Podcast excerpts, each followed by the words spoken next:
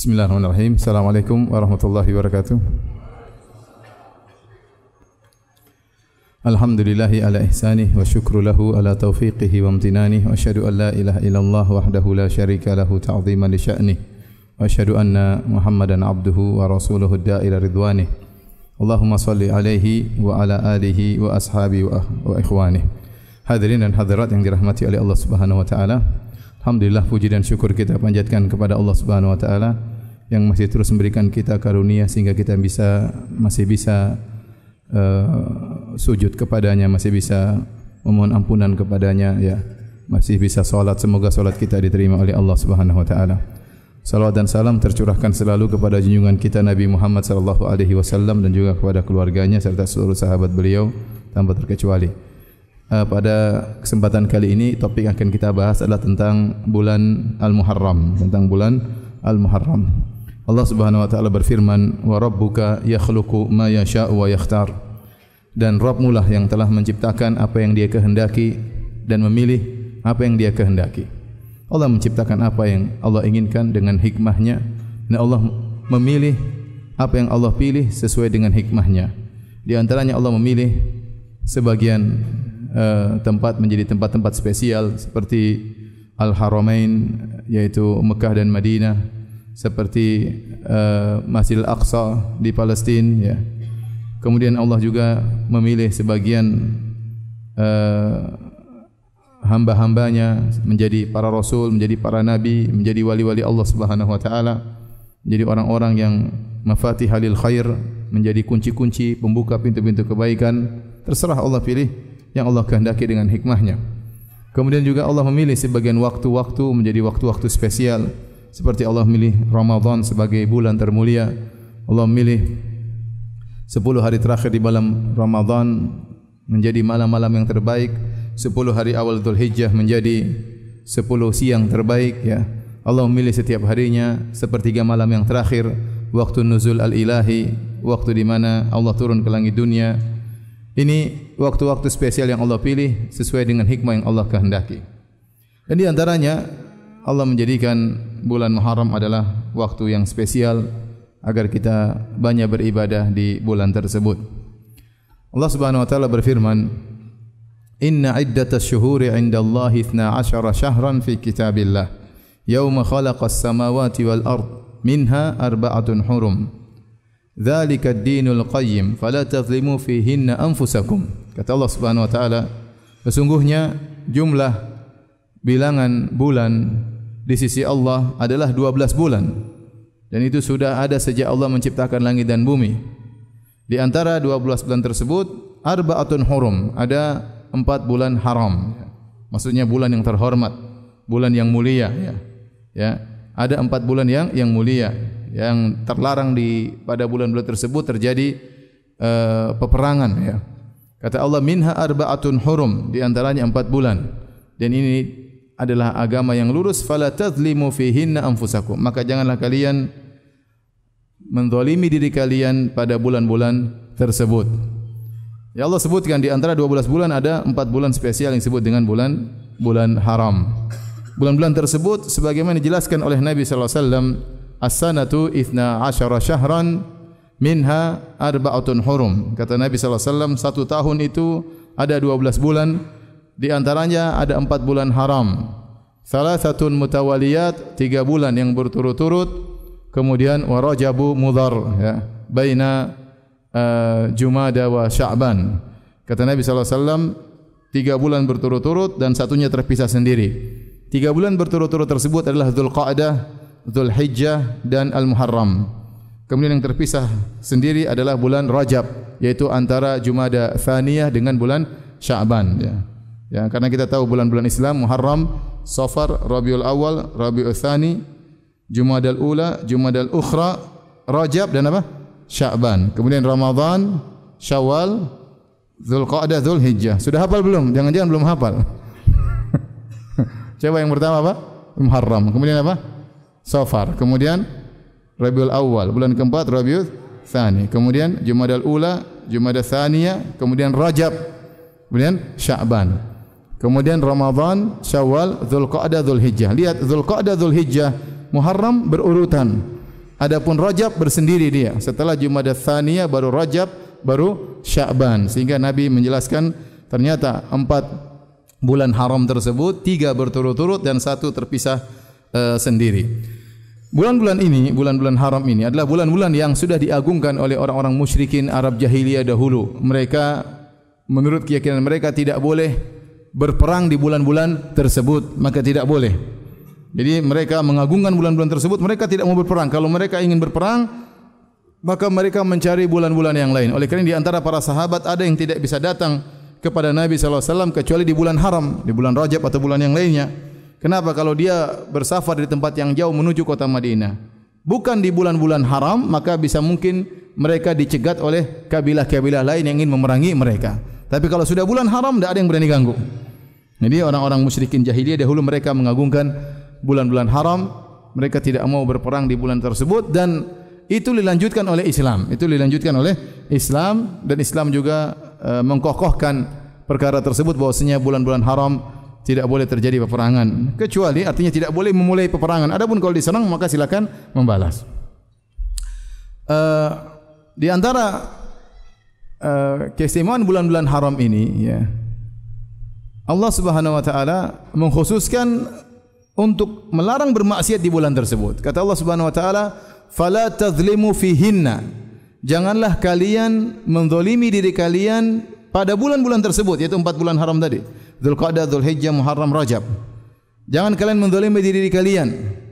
Kita tahu namanya berbuat zalim kepada diri sendiri, bermaksiat kapanpun dilarang. Tatkala Allah mengkhususkan pelarangan berbuat maksiat di empat bulan ini berarti dosanya tidak seperti di bulan-bulan yang lainnya. Berarti berbuat maksiat di bulan-bulan haram ini tidak sebagaimana di bulan-bulan yang lainnya sebagaimana penjelasan para ulama. Dosanya diperbesar oleh Allah Subhanahu wa taala. Demikian juga dari mafhum al-mukhalafah kata para ulama, berarti kebalikannya kalau dosa-dosa diperbesar pada bulan tersebut, maka demikian juga ketaatan. Ketaatan yang dilakukan pada bulan-bulan haram tidak sama ketaatan dilakukan di bulan-bulan yang lainnya. Oleh kerana seorang di bulan-bulan haram ini berusaha menjauhi kemaksiatan dan berusaha menjalankan ketaatan karena dilipat gandakan oleh Allah Subhanahu wa taala. Kemudian di antara empat bulan haram ini ada namanya Al-Muharram. Al-Muharram. Ini bulan yang spesial ya. Karena ada keistimewaan di bulan bulan ini.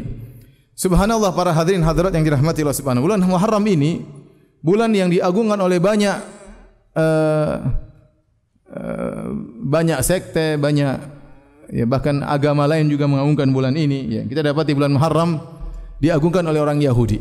Orang Yahudi berpuasa pada bulan Muharram. Ya, kemudian juga bulan Muharram diagungkan oleh kaum musyrikin Arab. Musyrikin Arab jahiliyah dahulu mereka juga berpuasa di hari Asyura. Mereka berpuasa di hari Asyura itu tanggal 10 di bulan Muharram. Sama Yahudi juga berpuasa di hari Asyura tanggal 10 di bulan Muharram. Yahudi musyrikin Arab juga demikian.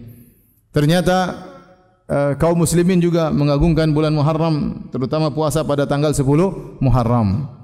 Ternyata juga orang-orang Rafidhah Syiah juga mengagungkan tanggal 10 Muharram sehingga mereka mengadakan hari ya mengingat kematian Al Husain radhiyallahu anhu sehingga mereka memukul tubuh-tubuh mereka berlumuran darah dan mereka ya menangis-nangis dan berteriak dan yang lainnya. Mereka mengagungkan juga tanggal 10 Muharram.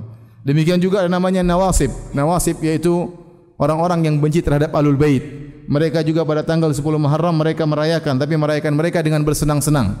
Dengan bersenang-senang dengan melapangkan uh, rizki bagi anak dan istri membuat makanan tertentu ya. Kemudian juga ternyata bulan Muharram juga diagungkan oleh orang-orang kejawen. Orang-orang kejawen juga mengagungkan bulan apa? Muharram. Sehingga mereka punya ritual-ritual tertentu seperti mengeluarkan kebuah bule atau disebut dengan kiai Islamet juga pada bulan apa? Muharram ya. Ada ritual-ritual yang mereka lakukan ya. Seperti mereka namanya tapa bisu kalau keliling keraton tidak boleh berbicara ya. E, dan lain-lain ya. Jadi ternyata bulan Muharram ini ya bulan yang spesial yang diagungkan oleh banyak pihak.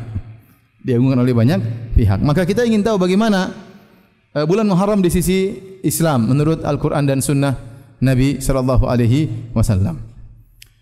Hadirin dan hadirat yang Allah Subhanahu wa taala, tadi sudah kita jelaskan bahwa bulan Muharram adalah salah satu dari empat bulan haram yang spesial di mana ibadah di situ keta uh, ketaatan pahalanya diperbesar sebagaimana maksiat di bulan-bulan tersebut juga diperbesar dosanya. Uh, khusus bulan Muharram maka sangat dianjurkan untuk uh, berpuasa secara umum. Kata Nabi sallallahu alaihi wasallam, "Afdhalus siyami ba'da Ramadan siyamu syahrillahil muharram.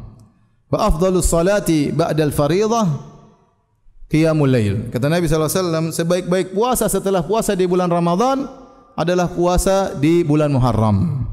Sebaik-baik puasa di bulan sebaik-baik puasa setelah puasa Ramadan adalah puasa di bulan Muharram. Dan sebaik-baik salat setelah salat lima waktu adalah salat malam. Ini satu rangkaian hadis dari Nabi sallallahu alaihi wasallam dan menunjukkan tentang keistimewaan puasa dan solat. Puasa yang terbaik setelah puasa Ramadan adalah puasa Muharram dan solat yang terbaik setelah solat wajib adalah solat apa? Qiyamul Lail, solat malam. Nah, di sini Allah Subhanahu Wa Taala mengidhafahkan, yaitu menisbahkan bulan Muharram kepada Allah. Kata Allah, Afdalu siyami ba'da Ramadan siyamu syahrillahi. Sebaik-baik puasa setelah puasa bulan Ramadan adalah puasa di bulan Allah Al-Muharram yaitu bulan Al-Muharram. Jadi bulan Al-Muharram ini bulan yang Allah sandarkan kepada dirinya, Syahrullah, bulannya Allah yang namanya Al-Muharram. Dan kita tahu bahwasanya tidaklah Allah menyandarkan sesuatu kepada dirinya kecuali perkara-perkara yang mulia. Seperti Allah mengatakan ya tentang masjid Baitullah, rumah Allah Subhanahu wa taala. Seperti Allah berbicara tentang ontanya Nabi Saleh, Allah berkata naqatullah, ontanya Allah Subhanahu wa taala. Ya semua yang diidhafahkan Rasulullah utusan Allah Subhanahu wa taala yang diidhafakan dinisbahkan kepada Allah maka merupakan perkara yang mulia. Tatkala Allah menisbahkan bulan Muharram kepada Allah, syahrullah, syahr artinya bulan. Allah bulannya Allah. Berarti ini spesial bulan tersebut karena Allah mengidhafakan bulan tersebut kepada dirinya. Nah, bagaimana cara berpuasa di bulan uh, Muharram? Maka para ulama khilaf secara umum ada dua pendapat. Apakah boleh berpuasa di bulan Muharram keseluruhan dari tanggal 1 sampai tanggal 30? Sebulan penuh sebagaimana puasa di bulan Ramadan? Maka ada dua pendapat, ada yang mengatakan tidak boleh. Nabi tidak pernah sallallahu alaihi wasallam tidak pernah puasa sempurna sebulan penuh kecuali bulan Ramadan. Maka tidak boleh kita berpuasa hari terbanyak di bulan Muharram. 20 hari oke, okay, 25 hari oke, okay, 27 hari oke. Okay. Tapi jangan 30 hari, jangan sebulan penuh. Ini pendapat pertama. Pendapat kedua, ini pendapat yang lebih kuat bahwasanya boleh berpuasa sebulan penuh di bulan Ramadan. Karena Nabi mengatakan sebaik-baik puasa setelah Ramadan puasa bulan Muharram. Nabi menggandingkan antara bulan dengan bulan, itu tidak? Bulan Ramadan puasa sebulan penuh atau tidak? Sebulan penuh. Maka Muharram juga puasa sebulan sebulan penuh. Dan ini pendapat yang dipilih oleh uh, banyak ulama ya. Ya, oleh kerana saya lebih condong pada pendapat ini. Boleh berpuasa di bulan Muharram sebulan penuh. Kalau tidak mampu sebulan penuh, sebanyak mungkin. Sebanyak mungkin. Ustaz, apakah dengan kita berpuasa sebulan penuh bukan termasuk larangan puasa dahar?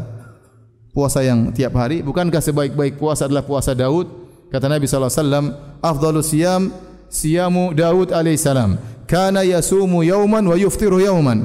Sebaik-baik puasa adalah puasanya Nabi Daud alaihissalam. Beliau puasa sehari berbuka sehari. Oleh karenanya Abdullah bin Amr bin As waktu minta izin kepada Nabi sallallahu alaihi wasallam untuk berpuasa uh, setiap hari maka Nabi bilang jangan. Dan Nabi mengatakan lebih baik kau puasa sehari berbuka dua hari. Kemudian berpuasa sehari berbuka dua hari. Kata dia ini utiku aksara min dzalik. Ya Rasul aku lebih mampu daripada ini. Akhirnya kata Nabi wasallam sum yauman wa aftir yauman. Puasalah sehari, berbukalah sehari. Kata dia, ya Rasulullah aku lebih mampu daripada ini. Kata Nabi, tidak ada yang lebih baik daripada ini. Yang terbaik itu puasa sehari, berbuka sehari. Itu yang terbaik. Makanya Nabi melarang puasa dahar. Puasa dahar itu puasa tiap tiap hari. Nah, bagaimana? Kita bolehkah berpuasa tiap hari di bulan Muharram? Yang benar boleh. Yang dilarang dengan puasa dahar, yaitu puasa tiap hari selama setahun. Puasa tiap hari selama setahun. Itu yang dilarang. Adapun kalau kita waktu tertentu kita berpuasa berturut-turut tidak jadi masalah. Contoh sederhana, puasa Ayyamul Bid. Kita puasa tanggal 13, 14, 15 berturut-turut atau tidak? Berturut-turut. Contohnya seorang ingin puasa di awal hari Dhul Hijjah, tanggal 1 sampai tanggal 9 berturut-turut, boleh kata para ulama. Waktu-waktu tertentu. Contohnya seorang puasa bayar kafarah, syahraini mutatabi'ain, puasa dua bulan berturut-turut, enggak ada masalah. Ya. Contohnya bulan Ramadan, puasa berturut-turut ya. Jadi yang dilarang adalah puasa berturut-turut selama sampai setahun. Adapun kita mengkhususkan pingin puasa sebulan penuh di bulan Muharram, maka ini diperbolehkan. Ibn Taimiyah rahimahullah taala memiliki pendapat yang baik. Beliau berkata, bagi orang yang kebiasaannya puasa sebulan setahun penuh dengan puasa Daud, maka yang terbaik dia puasa Daud.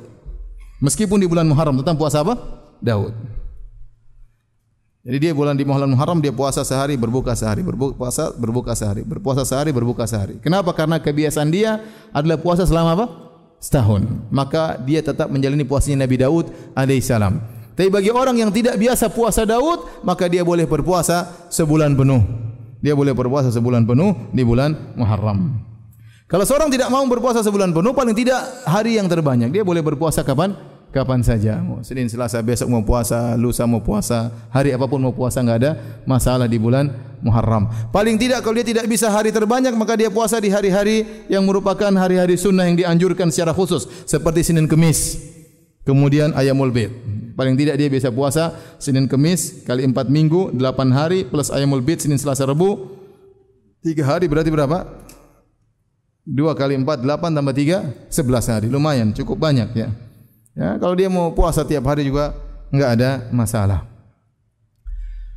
Kemudian yang sangat ditekankan pada bulan Muharram adalah puasa Ashura, puasa tanggal 10 Muharram. Ini sangat ditekankan. Rasulullah SAW bersabda, "Wasiyamu yaumi Ashura ahtasibu 'ala Allah an yukaffira sanata allati qablahu." Kata Nabi SAW dan puasa hari Ashura, aku berharap kepada Allah akan menghapuskan dosa-dosa setahun sebelumnya. Dosa-dosa setahun sebelumnya. Jadi orang kalau berpuasa di hari Ashura, maka akan diampuni dosa-dosa setahun sebelumnya. Ini sangat utama, ya. Sangat utama. Adapun sejarah puasa Asyura, maka melalui empat tahapan. Tahapan pertama, Nabi berpuasa Asyura ya di Mekah dan orang-orang musyrikin Arab jahiliyah mereka juga berpuasa di hari Asyura. Nabi sudah berpuasa semenjak Nabi di Mekah. Kemudian tahapan kedua waktu Nabi sallallahu alaihi wasallam berpindah ke kota Madinah. Waktu Nabi berpindah ke kota Madinah, Nabi mendapati orang-orang Yahudi mereka berpuasa di hari Asyura. Kata Ibn Abbas radhiyallahu ta'ala anhuma, qadiman Nabi sallallahu alaihi wasallam al-Madinah, fa wajada al-yahuda tasum. Nabi mendatangi kota Madinah dan Nabi mendapati orang-orang Yahudi berpuasa. Nabi bertanya, "Ma hadzal yaum?" Ini hari apa yang kalian puasa wahai orang Yahudi? Kata orang Yahudi, "Hadza yaumun salih." Ini adalah hari baik. Hadza yaumun najjallahu Musa wa qaumahu wa aghraqa Fir'auna wa qaumahu. Ini adalah hari di mana Allah menyelamatkan Nabi Musa dan pengikutnya dari kejaran Fir'aun dan bala tentaranya dan Allah menenggelamkan Fir'aun dan bala tentaranya pada tanggal 10 Muharram. Fasamahu Musa syukran lillah. Maka Nabi Musa AS pun bersyukur dengan berpuasa kepada Allah sebagai bentuk syukur diselamatkan oleh Allah Subhanahu wa taala. Ya. Maka kata Nabi wasallam, "Nahnu aula bi Musa minkum." Kami orang-orang Islam lebih utama mengikuti Musa daripada kalian. Kenapa? Karena Nabi Musa bertauhid, kami juga bertauhid. Kalian melakukan kesyirikan. Akhirnya Nabi SAW berpuasa lebih ditekankan lagi dan Nabi menyuruh para sahabat untuk berpuasa di hari Ashura. Bahkan tatkala itu puasa hari Ashura hukumnya wajib. Puasa hari Ashura hukumnya wajib sebelum datang bulan Ramadan. Sebelum disyariatkannya puasa bulan Ramadan. Jadi puasa Ashura pernah hukumnya wajib. Nabi mengirim uh, orang-orang untuk memberitahukan agar kaum muslimin berpuasa di hari Ashura. Ini fase yang kedua. Fase yang ketiga, tatkala diwajibkan puasa eh, Ramadan. Ya ayyuhalladzina amanu kutiba alaikumusyamu kama kutiba alladzina min qablikum. Wahai orang beriman diwajibkan sekalian berpuasa sebagaimana diwajibkan atas orang-orang sebelum kalian. Itu puasa bulan Ramadan. Tatkala diwajibkan puasa bulan Ramadan, jadilah puasa Asyura yang tadinya wajib menjadi sunnah menjadi apa? Sunnah. Ini tahapan yang yang ketiga. Dan Nabi setiap tahun berpuasa bulan Ramadan dan juga berpuasa di hari Ashura. Kemudian waktu Nabi di akhir hayatnya di tahun uh, 10 Hijriah atau 11 Hijriah di akhir hayatnya, maka beliau berangan-angan untuk berpuasa tanggal 9 juga, Tasu'a. Digandingkan dengan tanggal 10, Ashir, Ashura. Maka Nabi SAW berkata, La in ishtu ila qabil, la asumanna tasi' Kalau saya masih hidup tahun depan, saya akan puasa tanggal 9 juga bersama tanggal 10. Dan Nabi meninggal dunia, tidak sempat melaksanakannya. Ini namanya sunnah cita-cita Nabi sallallahu alaihi wasallam. Nabi ingin melakukannya dan Nabi tidak sempat melakukannya, tapi kita tahu itu keinginan Nabi sallallahu alaihi wasallam maka kita kerjakan. Oleh karenanya, tahapan yang terakhir, yang final, tahapan keempat, maka dianjurkan puasa Asyura tanggal 10 disertai dengan sebelumnya tanggal 9 Tasu'a. Dan ini yang terbaik. Namun jika seorang hanya puasa tanggal 10, tidak tanggal 9 hanya tanggal 10 maka dia telah mendapatkan keutamaan puasa hari Asyura yaitu diampuni dosa-dosanya selama setahun sebelumnya tapi kalau dia ingin yang terbaik maka dia gandengan dengan tanggal 9 pula sebagaimana yang dicita-citakan oleh Rasulullah sallallahu alaihi wasallam inilah uh, tentang puasa uh, Asyura ya. Adapun puasa tanggal 11 maka datang dalam hadis tapi hadisnya dhaif. Hadisnya dhaif. Maka yang dianjurkan cuma tanggal 9 dan 10 atau tanggal 10 saja? Atau tanggal 10 10 saja. Sebenarnya lama mengatakan kalau tidak sempat tanggal 9 tanggal 10 tanggal 11 tapi kita katakan dalil yang datang cuma tanggal 9 dan 10 kalau tidak bisa tanggal 9 10 maka tanggal tanggal 10 saja tapi kalau ingin puasa tanggal 11 12 enggak ada masalah karena dia termasuk hari-hari di bulan Muharram ya tetapi yang di, di, di, di, disampaikan oleh Nabi secara khusus yaitu tanggal 9 dan tanggal uh, 10 Muharram. Baik. Ini dalil yang datang secara khusus tentang ibadah khusus di bulan Muharram. Selain itu tidak ada dalil-dalil yang khusus menjelaskan tentang ibadah-ibadah tertentu. Tidak namanya solat Muharram, ya. Tidak ada namanya sedekah Muharram, ya. Tidak ada namanya apa nikah Muharram, tidak ada. Enggak ada. Cuma datang secara khusus adalah puasa. Selainnya kita beribadah secara umum, mau sedekah, mau mau solat malam, mau apa terserah. Ya, selama di bulan Muharram ibadah lebih utama tetapi yang datang secara khusus adalah puasa ya. Baik, hadirin dan hadirat yang dirahmati oleh Allah Subhanahu wa taala. Allah mentakdirkan ternyata di tanggal 10 Muharram ya terjadi dua kejadian yang luar biasa. Ini pernah saya ceritakan secara khusus tapi saya ingin sampaikan secara singkat saja. 10 Muharram tadi sudah kita jelaskan kejadian peristiwa besar yaitu Nabi Musa alaihissalam diselamatkan oleh Allah Subhanahu wa taala dari kejaran Firaun dan bala tentaranya dan Firaun ditenggelamkan dan itu terjadi pada tanggal 10 Muharram. Dan akhirnya tadi saya katakan Nabi Musa bersyukur, akhirnya Nabi Musa alaihissalam berpuasa. Ini salah satu contoh bahwasanya kalau kita mendapat nikmat, kita boleh bersyukur kepada Allah dengan ibadah. Di antaranya ibadah puasa. Dan ini datang dalam dalil dalam Islam banyak. Seperti Nabi SAW banyak solat malam, maka ditanya, kenapa anda solat malam? Hatta tawarram, tatawarram qadamak sampai kaki anda terbelah-belah, bengkak-bengkak. Kata Nabi wasallam, "Afala akunu abdan syakuran?" Kenapa aku tidak menjadi hamba yang bersyukur? Maka Nabi bersyukur, mewujudkan syukurnya dengan banyak solat, solat malam. Contohnya Nabi juga berpuasa bersyukur karena Nabi dilahirkan pada hari Senin. Waktu Nabi ditanya, "Wa su'ila an yaumil itsnain?" an siyami yaumil isnin dan Nabi ditanya kenapa beliau puasa di hari Senin? Kata Nabi sallallahu alaihi wasallam dzaka yaumun wulidtu fihi. Itu adalah hari di mana aku dilahirkan. Maka Nabi bersyukur dengan hari kelahirannya dengan berpuasa setiap hari Senin setiap pekan. Contoh Nabi bersyukur dengan apa? Berpuasa.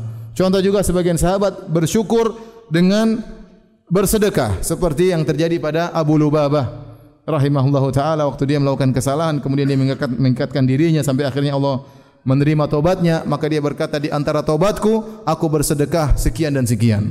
Demikian juga Ka'ab bin Malik radhiyallahu taala anhu yang tidak ikut dalam perang uh, tidak ikut dalam perang uh, Tabuk sehingga akhirnya dihajar diboikot oleh kaum muslimin selama 50 hari. Setelah itu Allah menerima taubatnya. Kemudian dia datang kepada Nabi sallallahu alaihi wasallam dia berkata ya Rasulullah inna min taubati di antara taubatku aku bersedekah dengan hartaku sekian dan sekian. Jadi ternyata kita bisa bersyukur dengan berbagai macam apa? Ibadah. Ya. di antaranya dengan puasa. Puasa mutlak. Antum misalnya naik pangkat antum berpuasa silakan bersyukur kepada Allah berhasil naik pangkat antum misalnya berhasil poligami silakan puasa bersyukur kepada Allah Subhanahu wa taala ya. Kalau berhasil. Maksud saya banyak yang bisa kita bersedekah, oke, okay. solat malam perbanyak solat malam bersyukur alhamdulillah ya, bisa naik haji ya, bisa umrah bersyukur kepada Allah Subhanahu wa taala. Di antaranya tanggal 10 Muharram Nabi Musa alaihissalam diselamatkan oleh Allah Subhanahu wa taala, maka dia bersyukur. Dan itu sunnahnya Nabi Musa diikuti oleh kita sampai sekarang ini. Setiap tanggal 10 Muharram kita puasa mengenang anugerah yang Allah berikan kepada Nabi Musa di mana Nabi Musa diselamatkan oleh Allah dari kejaran Firaun dan uh, bala tentaranya. Ternyata Allah mentakdirkan juga pada tanggal 10 Muharram tahun 61 Hijriah peristiwa yang tragis meninggalnya cucu Nabi SAW yang sangat dicintai oleh Rasulullah SAW ya yang Rasulullah pernah berkata tentang dia dan Husain yaitu Husain radhiyallahu anhu ya Rasulullah SAW mengatakan tentang Husain dan Hasan ya huma sayyida syababi ahli jannah bahwasanya mereka berdua ini adalah pemimpin para pemuda di surga ya. Ya, dan it, uh, dan ini menunjukkan kemuliaan apa namanya Al Husain namun dibunuh dengan tragis pada tanggal 10 Muharram di Karbala ya oleh pasukan Ubaidillah bin Ziyad akhirnya Husain terbunuh radhiyallahu taala anhu dan akhirnya ada sekelompok muncul sekelompok orang sekelompok manusia yang dikenal dengan Syiah atau Rafidhah yang mereka merayakan 10 Muharram dengan cara yang lain yaitu dengan memukul-mukulkan pedang kepada tubuh mereka, menghantamkan rantai kepada tubuh mereka sehingga berlumuran darah ya. Kalau ditanya kenapa kami merayakan kematian siapa Al Husain? Bagaimana yang dirasakan oleh Husain dan keluarganya tatkala itu, penderitaan yang mereka rasakan, maka kami ingin merasakan sebagian penderitaan mereka.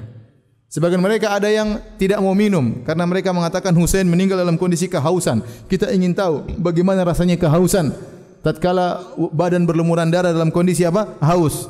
Sehingga mereka melakukan hal demikian. Bahkan mereka sudah melatih anak-anak mereka sejak kecil sudah diajarin demikian. Sehingga diambil pisau atau pedang sedikit-sedikit di kepala sang anak agar darah kemudian dilumur-lumurkan ya. Ini itu mereka lakukan. Inilah uh, kebiasaan orang-orang Syiah. Dan ini adalah kebiasaan yang salah dan ini tradisi yang ngawur. Tradisi yang bertentangan dengan syariat Islam. Kita bilang harusnya tanggal 10 syariatnya apa? Puasa. Harusnya puasa sunnah. Bukan melukai diri, bukan uh, menyiksa diri pada hari tersebut. Kemudian apa yang mereka lakukan tersebut? Ya, bertentangan dengan hadis-hadis Nabi. Nabi SAW mengajarkan kalau terkena musibah untuk bersabar. Ya. Kata Nabi SAW, Laisa minna man darabal khududa wa syakkal juyuba wa da'a bida'wal jahiliyah. Bukan dari golongan kami. Orang tatkala terkena musibah kemudian menampar-nampar pipinya, merobek-robek bajunya dan menyuruh dengan seruan jahiliyah. Kenapa hal itu menunjukkan protesan terhadap takdir Allah? Makanya di antara dosa besar adalah niyaha, meratapi mayat. Nabi mengatakan an-naiha illam tatub sungguhnya wanita yang meratapi mayat kalau tidak bertobat maka akan dipakaikan pakaian dari neraka jahanam. Kenapa tatkala dia meratap meratap kepada mayat seakan-akan dia tidak menerima takdir Allah Subhanahu wa taala. Seakan-akan dia protes terhadap keputusan Allah Subhanahu wa taala. Ini dosa besar dosa besar. Kita terima terkena musibah, sabar. Al Husain tatkala radhiyallahu anhu meninggal dunia, semuanya sedih. Kita semua sedih, kaum muslimin sedih. Bagaimana tidak? Itu cucu Rasulullah sallallahu alaihi wasallam yang pernah dicium oleh Nabi sallallahu alaihi wasallam. Ya. Kemudian kita bersedih tapi tidak boleh tatkala kita bersedih kemudian kita merayakan dengan cara-cara demikian. Jadi pertama, ini tradisi menyelisih sunnah, sunnah harusnya puasa. Yang kedua juga menyelisih sunnah, sunnah harusnya bersabar, bukan malah melukai apa? Diri. Yang ketiga kita katakan kepada mereka, bahwasanya ada orang-orang yang lebih hebat daripada Al Husain yang juga meninggal dengan tragis. Namun dia tidak pernah merayakannya. Contoh kakaknya Al Hasan, Al Hasan meninggal diracun. Diracun. Waktu ditanya siapa yang meracuni Anda dia tidak mau kasih tahu. Dia tidak mau kasih tahu bersabar dengan dia tidak ingin orang membalas apa? Apa yang dialami olehnya. Dia tidak mau kasih tahu siapa yang meracuninya. Sehingga dia diracun dan meninggal dunia. Ya. Apakah kita merayakan hari kematian Hasan dengan ambil racun sedikit kita makan? Tentunya enggak. Biar tahu bagaimana rasanya racun. Ada yang lebih hebat daripada itu. Ali bin Abi Talib. Bapak mereka berdua. Yang lebih afdal daripada Hasan dan Husain dengan ijma ulama. Yang kata Nabi SAW, Abu Bakar fil jannah, Umar fil jannah, Uthman fil jannah, Ali fil jannah. Abu Bakar di surga, Umar di surga, Uthman di surga, Ali di surga. Yang kata Nabi SAW, Rajulan yuhibbullah wa rasulah wa yuhibbuhullah wa rasuluh. seorang lelaki yaitu Ali bin Abi Thalib yang mencintai Allah dan Rasulnya dan dicintai oleh Allah dan dicintai oleh Rasulnya. Predikat yang luar luar biasa. Ali bin Abi Thalib yang terkenal dengan keberaniannya. Kemudian dia meninggal gimana? Ditikam kepalanya oleh siapa? Uh, Abdurrahman bin Muljim. Ya. Taib, apakah kita merayakan hari kematian Ali juga dengan menikam-nikam kepala? Tentunya tidak. Ya. Yang lebih hebat daripada Ali bin Abi Thalib, Utsman bin Affan yang dikepung oleh orang-orang pemberontak kemudian masuk ke rumahnya sementara dia baca Al-Quran ditikam sampai darah mengalir di Al-Quran yang dia baca. Juga meninggal dalam kondisi apa? Mati syahid. Ya. Yang lebih hebat daripada Utsman, Umar bin Khattab radhiyallahu anhu yang kemudian tatkala sedang salat subuh ditikam oleh Abu Lu'lu al-Majusi sedang solat meninggal dalam di mihrab Nabi sallallahu alaihi wasallam sedang solat jadi imam ditikam. Apakah kemudian kita nusuk-nusuk perut kita tatkala merayakan hari kematian Umar? Lebih hebat daripada itu Rasulullah sallallahu alaihi wasallam yang meninggal dengan diracun. Bukankah Rasulullah SAW dikasih racun tatkala perang Khaybar tahun 7 Hijriah? Ada seorang wanita Yahudi kasih hadiah kepada Nabi makanan. Nabi makan ternyata ada racunnya. Sahabat sempat makan. Akhirnya sahabat yang makan langsung meninggal seketika itu Nabi sempat merasakan sedikit tahu-tahu daging yang dikasih racun tersebut berbicara ini masmumah sungguhnya aku beracun akhirnya Nabi lepas tapi sudah terlanjur dan racun tersebut terus menggerogoti Nabi wasallam dan Nabi terkadang merasakan sakitnya terkadang merasakan sakitnya sampai puncaknya Nabi mengatakan uratku sudah putus tatkala Nabi akan meninggal dunia kata para ulama Allah ingin menjadikan Nabi merasakan pahala mati syahid dengan cara Allah mentakdirkan Nabi di dikasih racun dan racun tersebut menggerogoti Nabi sampai sekitar empat tahun.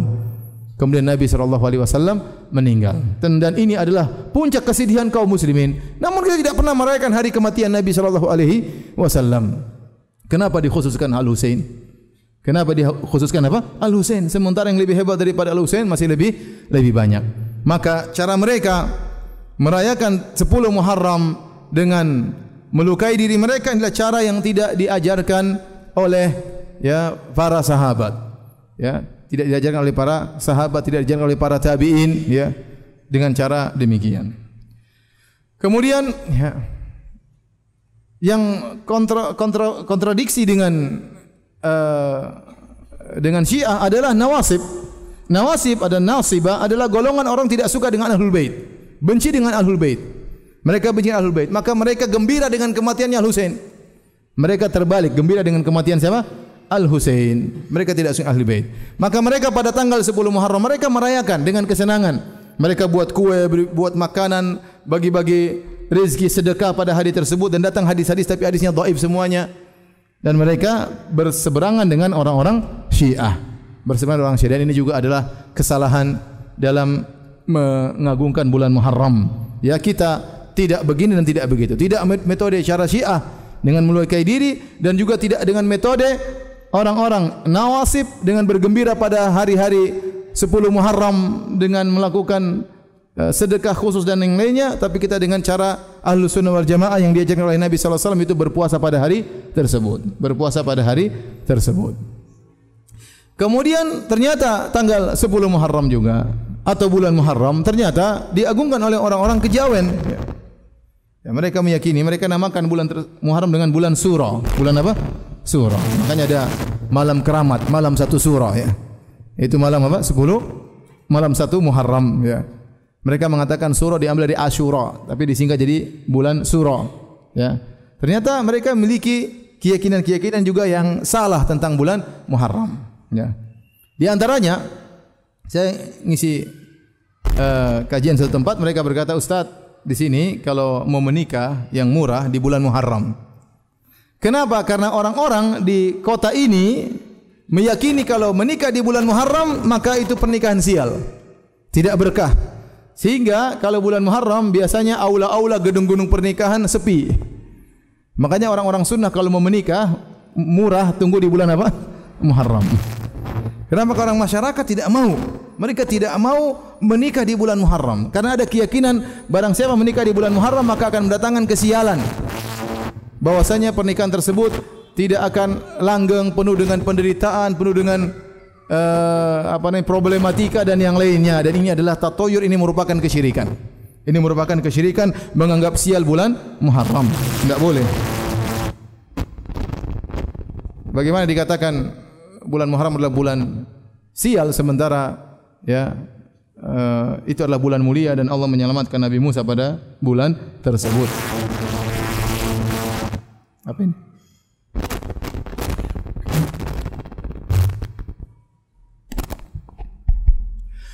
Para hadirin dan hadirat yang dirahmati Allah Subhanahu wa taala. Di antara keyakinan mereka juga mereka sebagian mereka mengeluarkan kebo bule pada tanggal 1 Muharram atau tanggal berapa Muharram ya. Ya, kebo bule keluar dengan anak-anaknya, dengan istrinya, dengan selirnya mungkin ya, kemudian keluarkan. Kemudian orang-orang berebut-rebutan untuk mengusap kebo-kebo tersebut.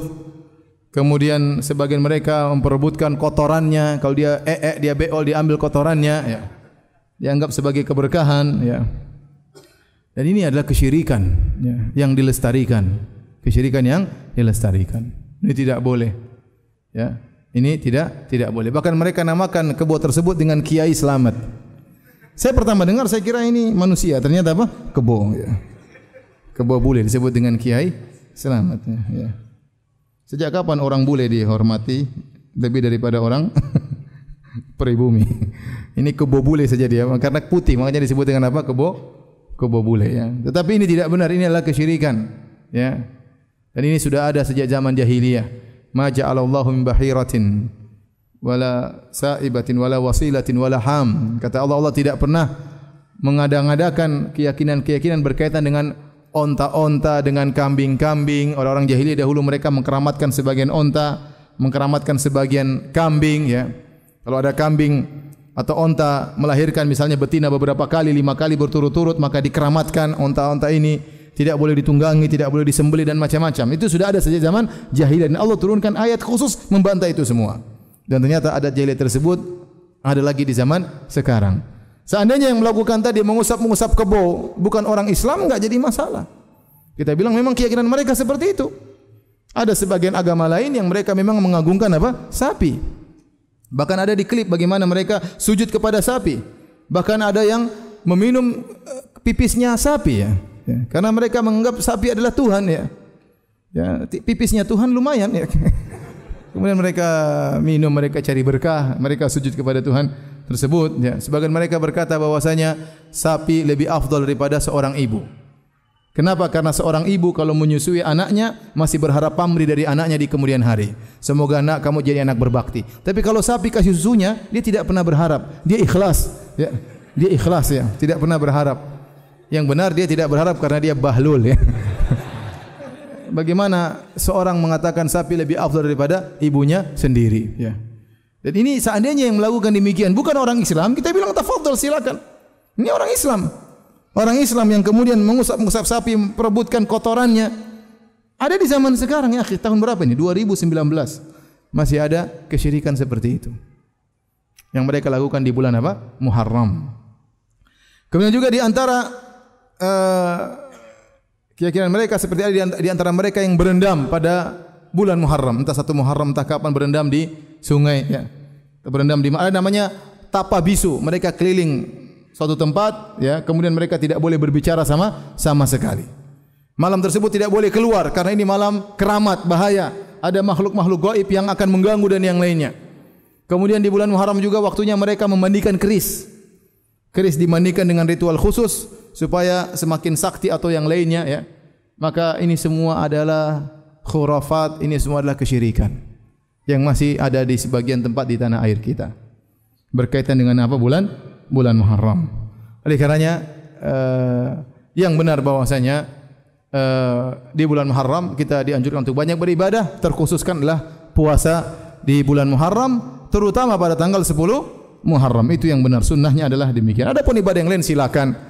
Tidak ada ibadah khusus tapi silakan Anda beribadah dengan ibadah-ibadah yang mutlak. Kemudian Muharram dalam tanggalan Islam merupakan bulan pertama ya. Bulan pertama dalam bulan tahun Hijriah. Sehingga sebagian orang menyangka bahwasanya Nabi berhijrah pada bulan Muharram. Padahal tidak benar. Yang benar Nabi berhijrah pada bulan Rabiul Awal. Rabiul apa? Awal. Tetapi tatkala tahun di mana Nabi berhijrah adalah peristiwa yang luar biasa, maka tahun tersebut dijadikan tahun pertama Islam. Tahun pertama Islam. Sebagaimana disebut Ibnu Katsir rahimahullah dalam kitab Al-Bidayah wa Nihayah, di zaman Umar Al-Faruq radhiyallahu taala anhu, ada seorang datang kemudian mengeluhkan kepada Umar, ada orang punya hutang jatuh tempo pada bulan Sya'ban, tetapi orang ini tidak bayar-bayar. Maka dia bawakan surat bukti kepada Umar, di situ tertulis bahwasanya dia harus bayar hutang atau dia punya kewajiban harus dia tunaikan pada bulan Sya'ban. Maka Umar bertanya kepada orang ini, "Ini yang antum tulis ini, Sya'ban yang mana? Sya'ban tahun sekarangkah atau Sya'ban tahun lalukah atau Sya'ban tahun depan. Karena belum ada nomor tahunnya. Yang ada baru nomor bulannya. Nomor bulan sudah ada sejak zaman jahiliyah. Tapi tahun keberapa enggak ada. Sehingga surat ini susah untuk membuat sebagai tagihan karena tidak ditulis bulan Sya'ban tahun berapa. Akhirnya Umar bin Khattab radhiyallahu anhu mandang perlu mengumpulkan para sahabat untuk membuat tahun Islam. Maka bermusyawarahlah mereka di antara mereka ada yang mengatakan kita mengikuti tahunnya orang-orang Romawi. Umar menolak. Ada yang mengatakan kita ikuti tahunnya orang Persia. Sudah ikuti tahun mereka tahun keberapa? Umar menolak. Ada yang mengatakan kita menjadikan tahun pertama adalah tahun kelahiran Nabi sallallahu alaihi wasallam. Maka Umar pun menolak. Ada yang mengatakan bagaimana kalau kita menjadikan tahun pertama Nabi diangkat menjadi seorang Nabi sebagai tahun pertama Islam. Umar pun menolak. Sampai akhirnya yang disepakati oleh Umar, disepakati oleh sahabat seluruhnya adalah menjadikan tahun hijrahnya Nabi sebagai tahun pertama apa? Islam. Namun Nabi tidak berhijrah di bulan apa? Muharram. Ya, ya jangan salah salah sangka.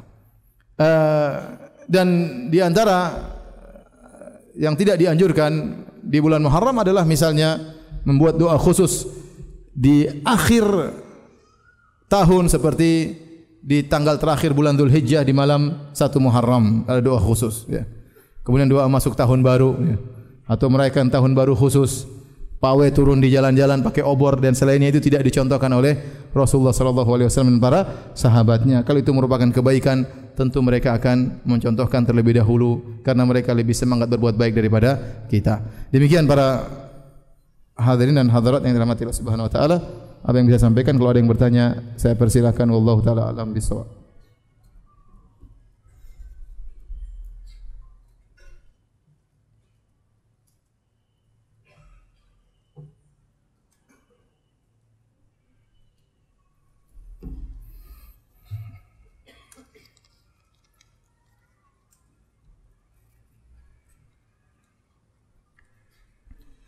Adakah hari-hari atau tanggal-tanggal yang diharamkan untuk berpuasa? Dan kalau tanggal 10 Muharram jatuh pada hari Jumat tidak ada larangan untuk berpuasa? Ya dilarang puasa misalnya adalah uh, hari raya satu Syawal Idul Fitri tidak boleh berpuasa.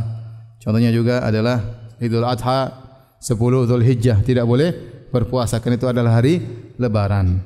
Contohnya mengkhususkan puasa hari Sabtu ya ingin puasa hari Sabtu maka Nabi melarang. Demikian juga Jumat misalnya khusus. Ya. Tetapi kalau seandainya puasa Muharram jatuh pada hari Jumat atau jatuh pada hari Sabtu maka tidak mengapa. Karena kita bukan karena Sabtunya atau bukan karena Jumatnya, tetapi karena 10 Muharramnya, karena 10 Muharramnya. Dan bahkan para ulama menganjurkan untuk berpuasa meskipun dalam kondisi safar. Karena seperti puasa Muharram atau puasa uh, Arafah ya. Itu tidak berulang harinya. Kalau luput maka selesai. Maka meskipun kita sedang bersafar dianjurkan untuk berpuasa kalau memang mungkin untuk dilakukan. Berbeda dengan uh, bulan Ramadan. Kalau bulan Ramadan kita sedang bersafar sulit bagi kita berpuasa maka kita boleh batal karena masih bisa diganti di bulan-bulan yang lainnya. Tapi kalau Ashura atau puasa Arafah tidak bisa diganti ya enggak bisa diganti di bulan yang lainnya karena tanggalnya yaitu aja. Azan kah? Kalau azan silakan azan terlebih dahulu. Pertanyaan berikutnya, salah satu bentuk rasa syukur Rasulullah SAW adalah beliau berpuasa di hari kelahirannya. Apakah puasa di hari kelahiran merupakan sunnah? Jawabannya, ini spesial buat Nabi SAW karena lahirnya Nabi wasallam adalah anugerah yang luar biasa. Kata Nabi wasallam ana rahmatun muhda aku adalah rahmat yang dianugerahkan oleh Allah Subhanahu wa taala. Ya dengan Nabi wasallam maka manusia keluar dari zulumat ila nur dari kegelapan menuju cahaya. Dan terlalu banyak ya keagungan Rasulullah sallallahu alaihi wasallam. Maka Nabi mensyukuri hari kelahirannya dengan berpuasa Dan itu bukan setiap tahun tetapi setiap pekan. Setiap apa? Pekan. Jadi bukan setiap tanggalnya tapi Nabi tinjau dari harinya. Setiap hari Senin Rasulullah SAW berpuasa. Dan ini tidak diikuti dilakukan oleh para sahabat. Para sahabat ya mereka banyak orang mulia. Mereka juga tokoh-tokoh bersejarah yang ikut merubah sejarah Islam menuju pada kebaikan. Tapi tidak di, tidak ada di antara mereka yang berpuasa karena hari kelahirannya. Kalau sahabat saja tidak apalagi kita. Nah, sebagian kita dia lahir terkadang bukan membawa cahaya menuju kegelapan ya. atau kegelapan menuju ke, ke cahaya ya. Terkadang terkadang tadi cahaya menuju apa? Kegelapan. Terkadang keberadaan dia di alam semesta ini tambah bikin masalah ya. Jadi maksud saya enggak saya bercanda ya. Jadi intinya tidak bisa dikiaskan kita dengan apa? Nabi sallallahu alaihi wasallam karena para sahabat tidak melakukannya ya Pertanyaan berikutnya Maaf Ustaz, pertanyaan Anda tidak sesuai dengan materi kajian Ana baru ditinggal nikah sama akhwat. Maksudnya ditinggal nikah sama akhwat maksudnya apa? Ana sudah berusaha melupakan. Tapi setiap ana putar murotal Quran terkadang bayangannya dan senyumannya di balik cadarnya. Sudah dua bulan terjadi. Mohon nasihat. Ini kayaknya dia sudah ngelamar, sudah lihat akhwatnya ternyata dia ditinggal. Sang akhwat nikah dengan lelaki apa? Lain. Ya ikhwan, hati ini bukan di tangan kita ya. Oleh karenanya, kalau ternyata hati kita ter, terjatuh kepada seorang wanita yang tidak halal bagi kita, jadi istri orang, ya, sudah nikah ya sudah qadarullah. Maka berdoa kepada Allah. Tidak ada jalan lain kecuali berdoa kepada Allah. Agar Allah merubah hati antum ya, tidak lagi cinta kepadanya. Berdoa, merengek, menangis kepada Allah agar palingkan rasa cintaku dari akhwat tersebut ya. Ya sudah dia sudah diambil orang terus mau diapain? Mau tunggu suaminya mati. ya. ya, jangan nanti menderita terus. Kebahagiaan belum tentu sama dia. Banyak kebahagiaan yang kebahagiaan eh, cari jalan yang benar ya. Maka berdoa kepada Allah ya Allah. Engkau tahu hatiku sangat lemah. Hatiku berada di tanganmu ya Allah. Ya Maha yang bolak-balikan hati manusia. Ya Allah palingkan hatiku dari mencintainya. Gantikanlah aku gantikanlah dia dengan akhwat yang lebih yang lebih cantik. yang lebih soleha berdoa ya karena percuma ya Nggak, saya mau bilang apa ya ya, ya sudah ya, dengar murotal aja yang harusnya mengusir setan malah mengingat mengingat dia ya ya udah berarti ya tinggal berdoa kepada Allah salat malam menangis minta agar dipalingkan dari akhwat tersebut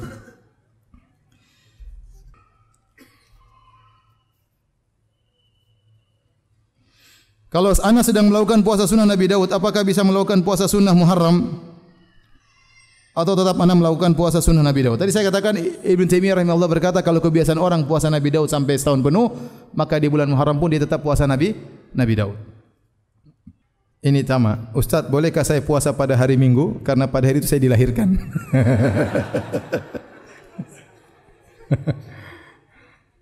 Atau setiap tahun sekali saja ya. Dua-duanya tidak boleh. Baik demikian saja kajian kita. Insyaallah kita lanjutkan uh, pada waktu yang ditentukan. Nanti tunggu iklannya saja ya. Subhanakallah bihamdik asyhadu an anta. Assalamualaikum warahmatullahi wabarakatuh.